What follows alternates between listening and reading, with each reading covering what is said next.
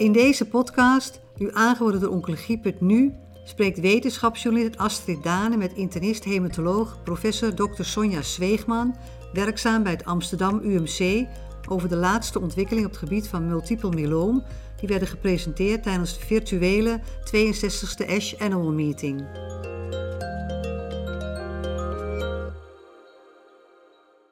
Oké, okay, goedenavond, Sonja Zweegman. Uh, jij bent uh, internist-hematoloog, werkzaam bij het Amsterdam UMC.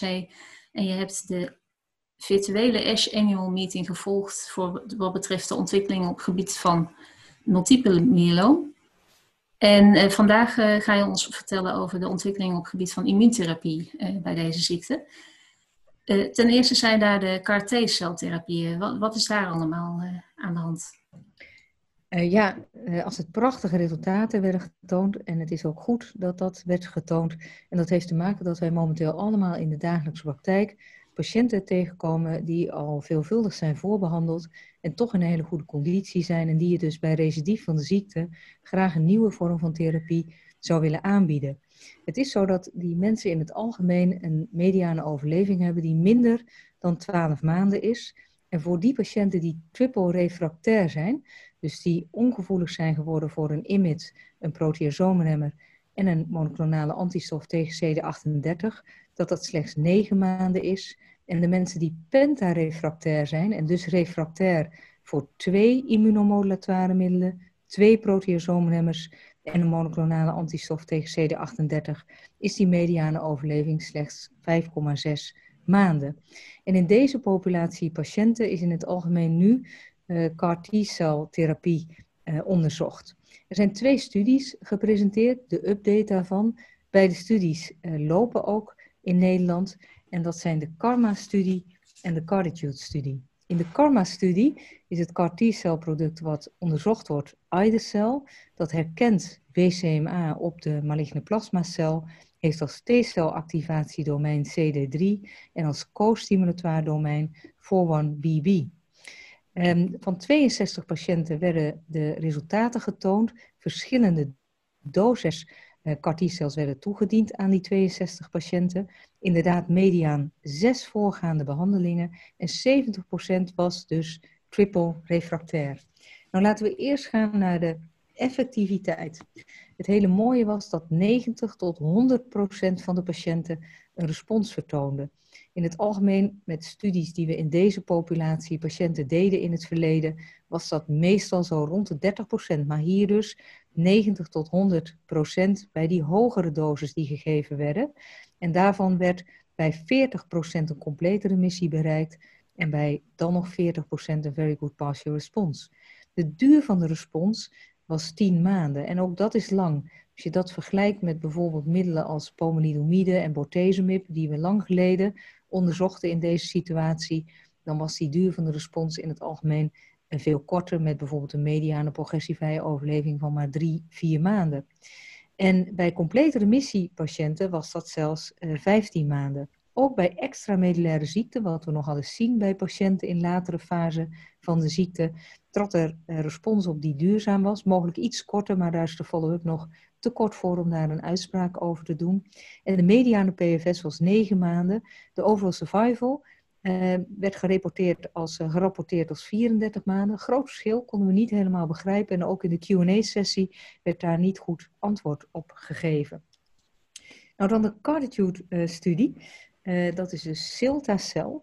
En die heeft twee BCMA-bindende domeinen. En ook als T-celactivatiedomein CD3 en als co-stimulatoire domein 4-1BB.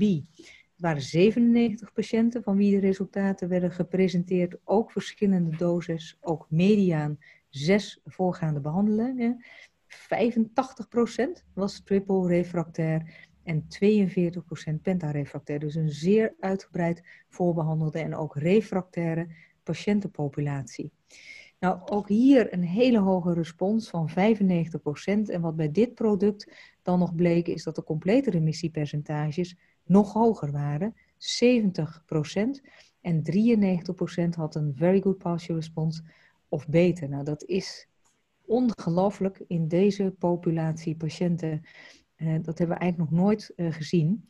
Uh, de mediane progressievrije overleving bij een mediane follow-up van 12 maanden was nog niet bereikt, dus die wordt langer.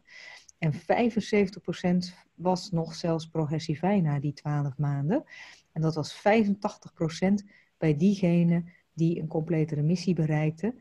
En, en ja, een overleving op 12 maanden van 90%. Dus dat is ongelooflijk goed uh, bij beide vormen van therapie, waarbij, dat is niet het het vergeleken, maar de resultaten van de Cartitude-studie met die twee BCMA-bindende domeinen wellicht nog beter zijn dan die van de Karma-studie. Maar nogmaals, dat is altijd gevaarlijk, die non-head-to-head vergelijkingen.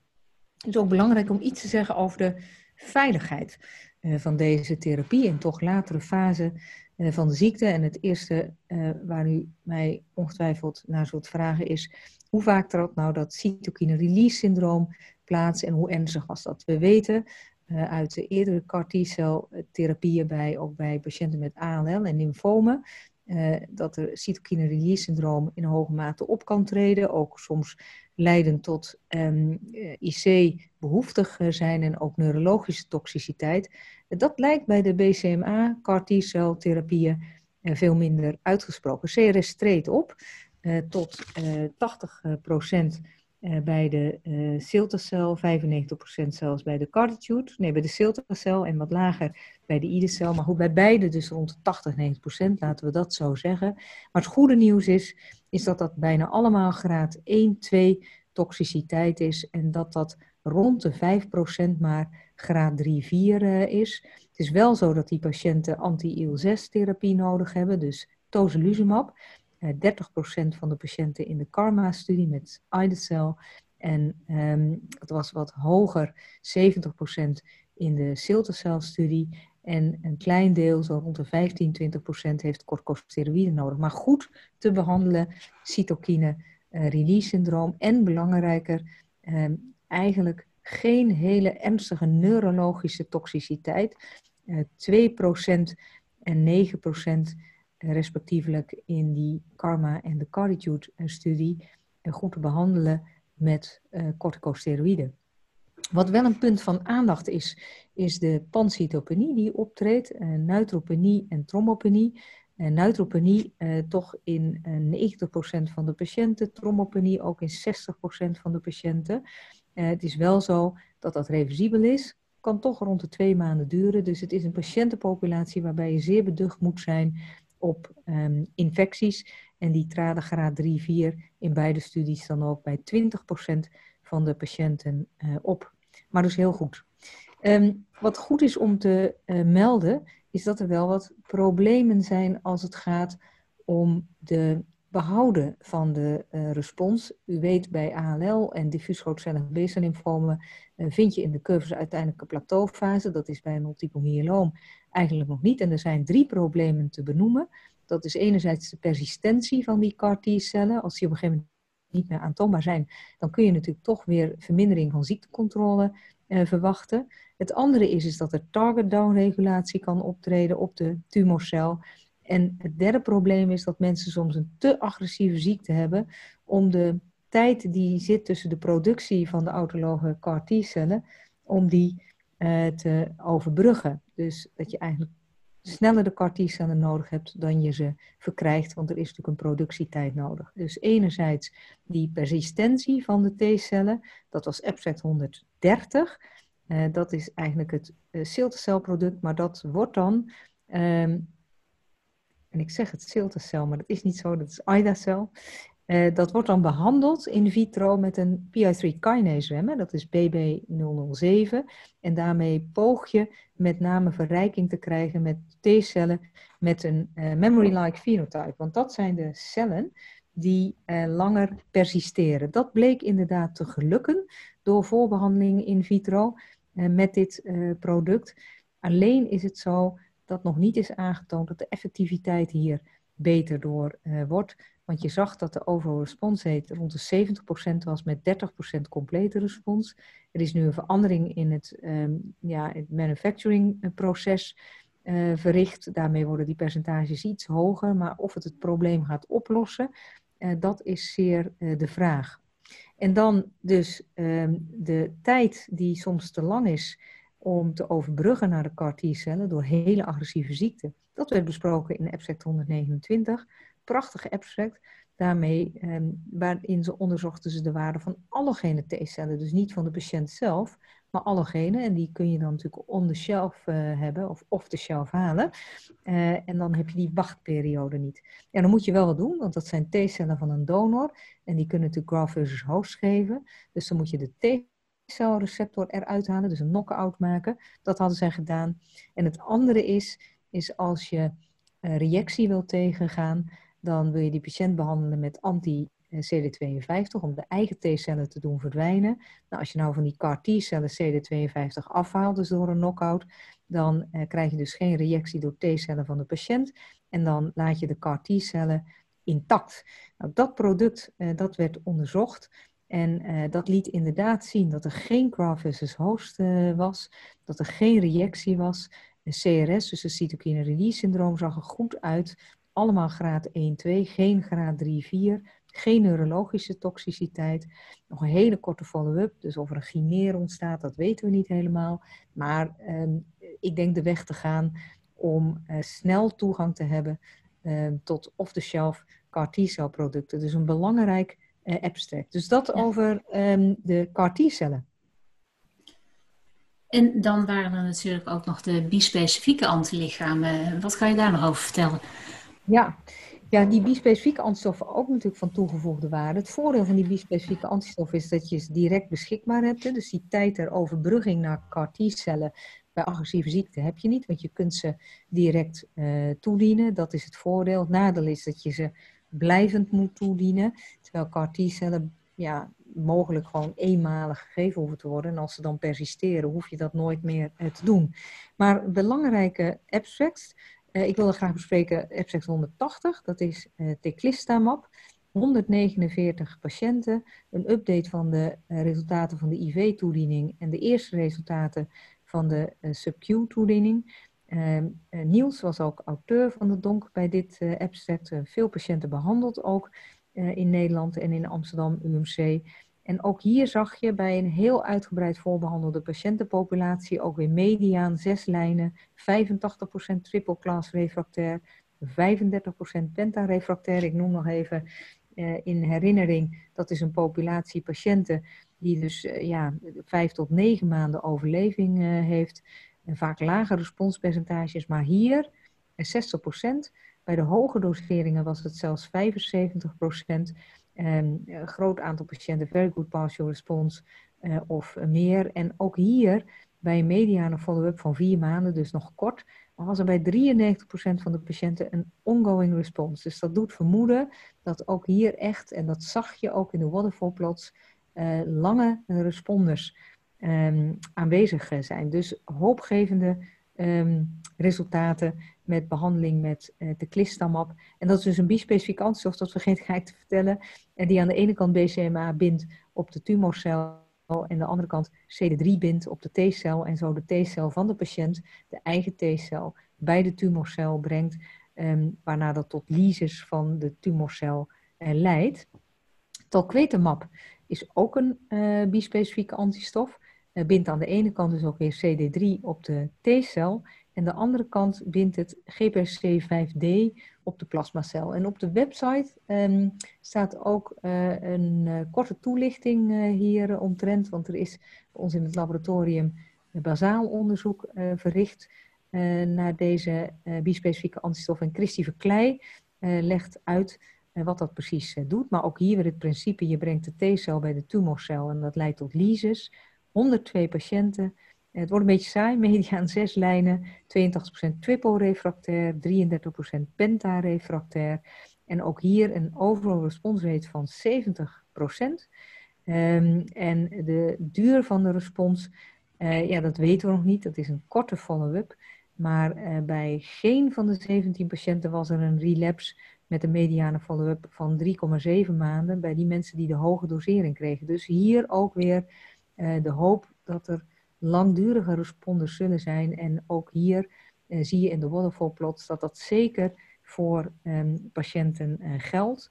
Waar wij zelf nog geen zeg maar, ervaring mee hebben in Nederland, want dat is nog maar een fase 1 studie die werd gepresenteerd, is abstract 292 met cevostamab. Dat is een nieuw specifiek antilichaam, ook weer bindend aan het CD3 op de T-cel. En dan de FC-receptor homoloog 5 op de uh. Dat, dat zit meer op myelomen en plasmacellen dan op normale B-cellen. En het zit bijna op 100% van de uh, maligne plasmacellen. Um, ja, dit is een fase 1 studie, uh, met name nog dose finding, maar er dus alweer een, een, een nieuwe ster reizend aan de horizon. Dus kortom, immuuntherapie ongelooflijk uh, ja, bijzondere resultaten als je ziet wat hier bereikt wordt in uitgebreid refractair, uitgebreid voorbehandelde refractaire patiënten. De responspercentages dus bij de CAR T-cellen tot 100%, bij de bispecifieke antistoffen tot 70%, en bij de CAR T-cellen uh, dus uh, met in, in de Carditude-studie een mediane follow-up die nog niet eens bereikt is op 12 maanden en ook de bispecifieke antistoffen langdurige responders. Um, ja, ja, kortom, uh, prachtige, prachtige resultaten. Ja. ja, heel mooi. En uh, hebben deze resultaten ook al uh, gevolgen voor de, de kliniek in Nederland? Ja, in die zin dat het in de kliniek in Nederland al voorgeschreven kan worden in studieverband. dus absolute oproep om bij patiënten die in een goede conditie zijn, de wens hebben om nog behandeld uh, te worden, um, ja, te verwijzen naar centra waar deze studies uh, lopen. En dat geldt zowel voor de CAR-T-cellen op het gebied van multiple myeloom uh, als voor de bispecifieke antistoffen. Um, nog niet beschikbaar in de zin, het is nog niet geregistreerd en zeker nog niet vergoed. maar gezien deze resultaten zal het ongetwijfeld ergens tot registratie en vergoeding eh, gaan leiden. Dat is zeker de verwachting. Ja, oké. Nou, heel hartelijk dank voor je uitgebreide toelichting. Heel graag gedaan. Nou, wederom welkom Sonja Zweegman. In een eerdere podcast hebben we besproken wat de nieuwe ontwikkelingen zijn van de Virtual ASH Annual Meeting op het gebied van immuuntherapie bij multiple myeloom.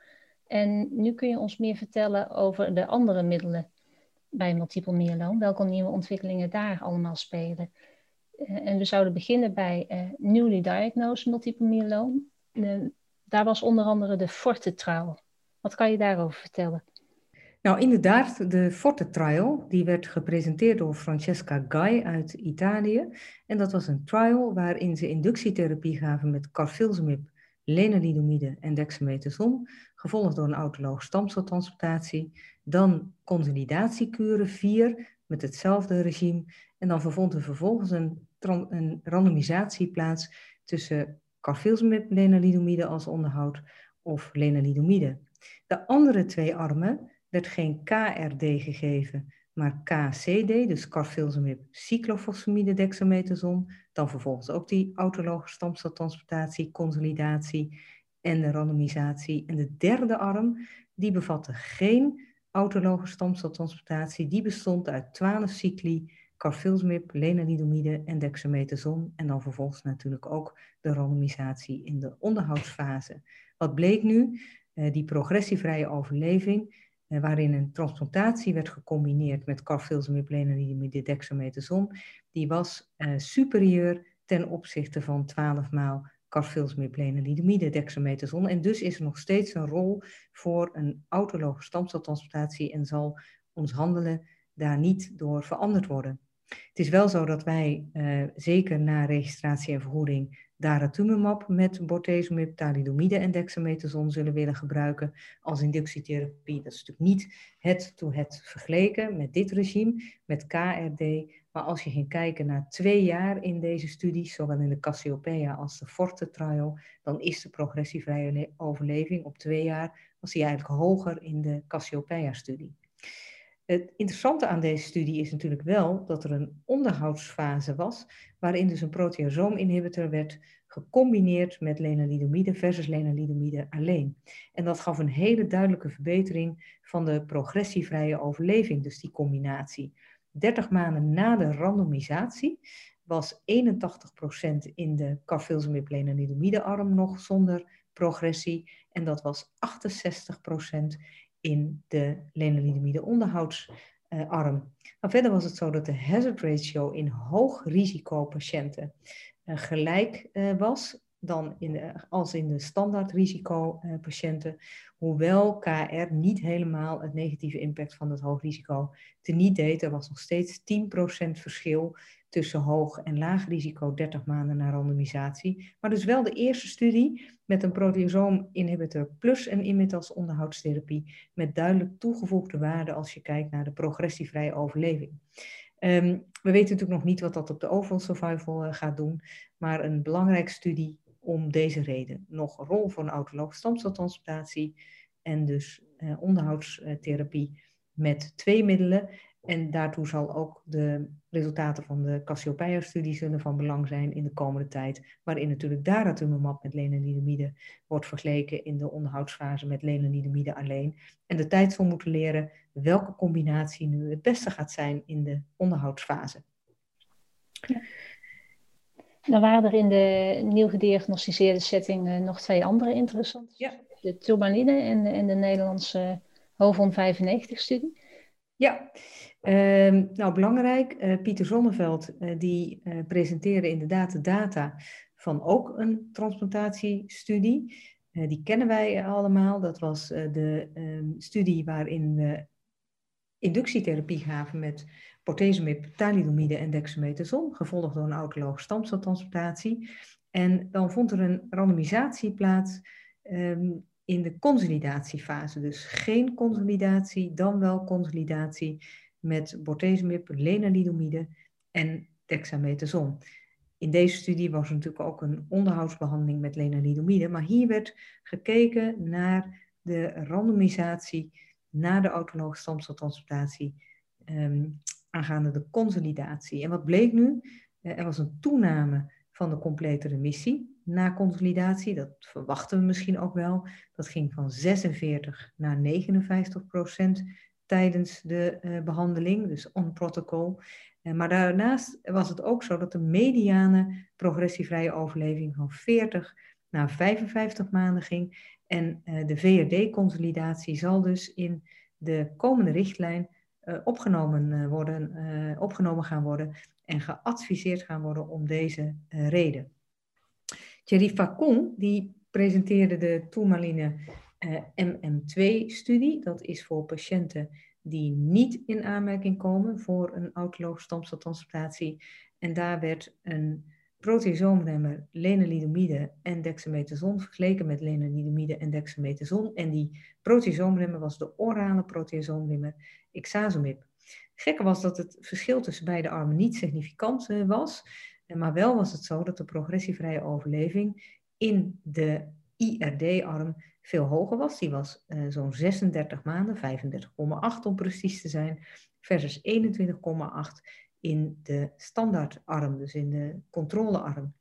Um, ja, als je dat nou vergelijkt met de um, Elsion trial, hè, waarin dus um, DARA VNP werd vergeleken met VNP, dan zijn dat ongeveer de gelijke getallen. Dat was dan wel statistisch significant. Waarom dat hier niet is, dat is nog niet helemaal duidelijk. Daar is men nog over aan het nadenken. Uh, maar als je het nu weer vergelijkt met de Maya-trial, dus daratumumab in combinatie met lenalidomide en dexamethason, dan zag je enerzijds dat in de controlearm die RD-data veel beter waren, een mediane progressievrije overleving van 33 maanden, versus die 21 in deze studie, maar ook een verwachte mediane progressievrije overleving van daratumumab plus lenalidomide dexamethason van meer dan 50 maanden. Dus deze studie gaat ons klinisch handelen niet veranderen. Uh, zodra er vergoeding is van daratumumab met lenalidomide en dexamethason, zal dat uh, de eerste lijnsbehandeling van voorkeur zijn in patiënten die niet in aanmerking komen voor een autologe stamceltransplantatie. Dus dat eigenlijk wat er um, bekend is geworden over de newly diagnosed uh, multiple myeloma sessies ja. tijdens de ASH. Ja. En wat waren er voor nieuwe ontwikkelingen nog bij in de relapse setting? Ja, we hebben natuurlijk de laatste tijd in de relapse setting al zeer veel studies gepresenteerd uh, gezien. ook aanleiding geven tot wijziging van de richtlijn, die binnenkort in concept bekend gaat worden en dan via de NVH ook verzonden zal worden voor commentariëring door alle leden. we weten natuurlijk dat in de lenalidomide refractaire patiënten er twee regimes zijn die de aandacht uh, verdienen. Dat is uh, carfilzomib in combinatie met daratumumab en dexamethason. En die combinatie carfilzomib dexamethason is er ook met isatuximab. Dat geeft een lange mediane progressievrije overleving, die van isatuximab nog niet bereikt. Zal dus meer dan 30 maanden kunnen worden. Die um, van uh, daratumumab met carfilzomib 27 eh, maanden in de Candor-studie. En dat is nu eigenlijk ons voorkeursregime bij die patiënten die een eerste recidief hebben na een uh, behandeling die, um, waarbij ze lenalidomide refractair uh, zijn. er zijn ook data natuurlijk al um, over de elotuzumab in combinatie met pomalidomide en dexamethason en isatuximab met pomalidomide en dexamethason ook in de richtlijn genoemd. Maar in deze ASH, tijdens deze ASH, werden de data getoond van de Apollo-studie. Sommige centra hebben daar ook aan meegedaan.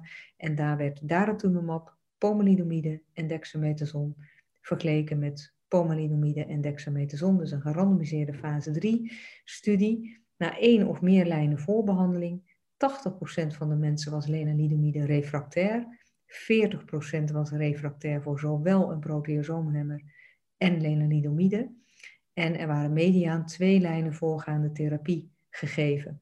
Het was duidelijk dat de mediane progressievrije overleving beter was in de DARA-Pomdex-arm, 12 maanden versus 9 maanden. Overigens in de lenalidomide refractaire groep was dat 10 maanden, die mediane PFS, dus niet 12 maanden. Misschien toch iets wat tegenvallend, want als je nou gaat kijken naar de combinaties die ik net noemde, dus eh, de ELA, eh, ELO tuzumab met pomalidomide dexamethason of de isatuximab met pomalidomide dexamethason. Uh, dat werd gegeven in patiënten die mediaan drie lijnen van voorgaande therapie uh, hebben uh, gekregen. En die 70% refractair waren voor een proteasoomremmer en IMID. Daar waren de resultaten toch ehm, wat beter. Ehm, maar goed, dat zijn non-head-to-head vergelijkingen. Dat is altijd uh, lastig. Maar je had hier misschien toch iets meer uh, van uh, verwacht. En ook de combinaties die ik net noemde met isatuximab en daratumumab met carfilzomib dexamethason, ook na 1 tot 3 lijnen therapie. En daar is de mediane PFS nog niet bereikt bij de isatuximab KD-arm en dus die dara-KD ehm, zo'n 28 maanden. Uh, maar toch uh, een belangrijke aanvulling wel van het arsenaal voor een specifieke patiëntenpopulatie die al refractair is en bijvoorbeeld nog geen daratumumab heeft uh, gehad. En dan is dit duidelijk beter dan alleen maar pomalidomide dexamethason. Nou, er waren nog andere studies die gaan wat weer verder uh, in, in, um, in de behandeling. Dat, dat zijn mensen die eigenlijk alle standaardbehandelingen al gehad hebben. En ja, ik zei het al bij de immunotherapie sessie. We hebben nu toch ook patiënten die al penta-refractair zijn, dus voor twee immunomodulatoire middelen, voor twee proteasoomremmers en voor monoclonale antistoffen tegen CD38. En dan is de studie die Niels van der Donk presenteerde van uh, belang. Die toonde een, een niet gerandomiseerde studie, de eerste data van de combinatie van iberdomide, dus uh, de vierde generatie um, IMID. Het wordt ook eigenlijk wel een celmolatoirmiddel genoemd, een celmot. Um, en die bindt beter aan cereblon en daardoor vindt er meer degradatie plaats van Icaros en ILOS en dus meer apoptose van myeloomcellen en meer T-celactivatie dan de voorgaande immunomodulatoire middelen, dus lenalidomide en pomalidomide. En verder is er al aangetoond dat er in vitro synergie is met bortezomib en daratumumab. Je ziet dan duidelijk dat er meer apoptose plaatsvindt als je uh, ze combineert. En uh, deze combinaties, dus iberdomide met daratumumab en dexamethason en iberdomide met bortezomib en dexamethason, uh, werden uitgetest bij patiënten die ongeveer voor de helft al triple refractair waren, mediaan vier lijnen van voorgaande therapie in die daratumumab-arm. Eh, zes, ma zes mediane lijnen van voorgaande therapie in de bortezomib-arm. En in die daratumumab deel van de studie was 55% was dara refractair. Dus daar ga je door toevoeging van iberdomide kijken of je dat teniet doet. En dat was bij bortezomib bleek dat 65% te zijn. Dus dit is echt een studie die erop is gericht om te kijken of er reversibiliteit is van de gevoeligheid voor daratumumab en bortezomib door de toevoeging van iberdomide. En dat bleek in die zin wel het geval te zijn dat er een overall rate was van 40% in de patiënten die iberdomide, daratumumab en dexamethason kregen.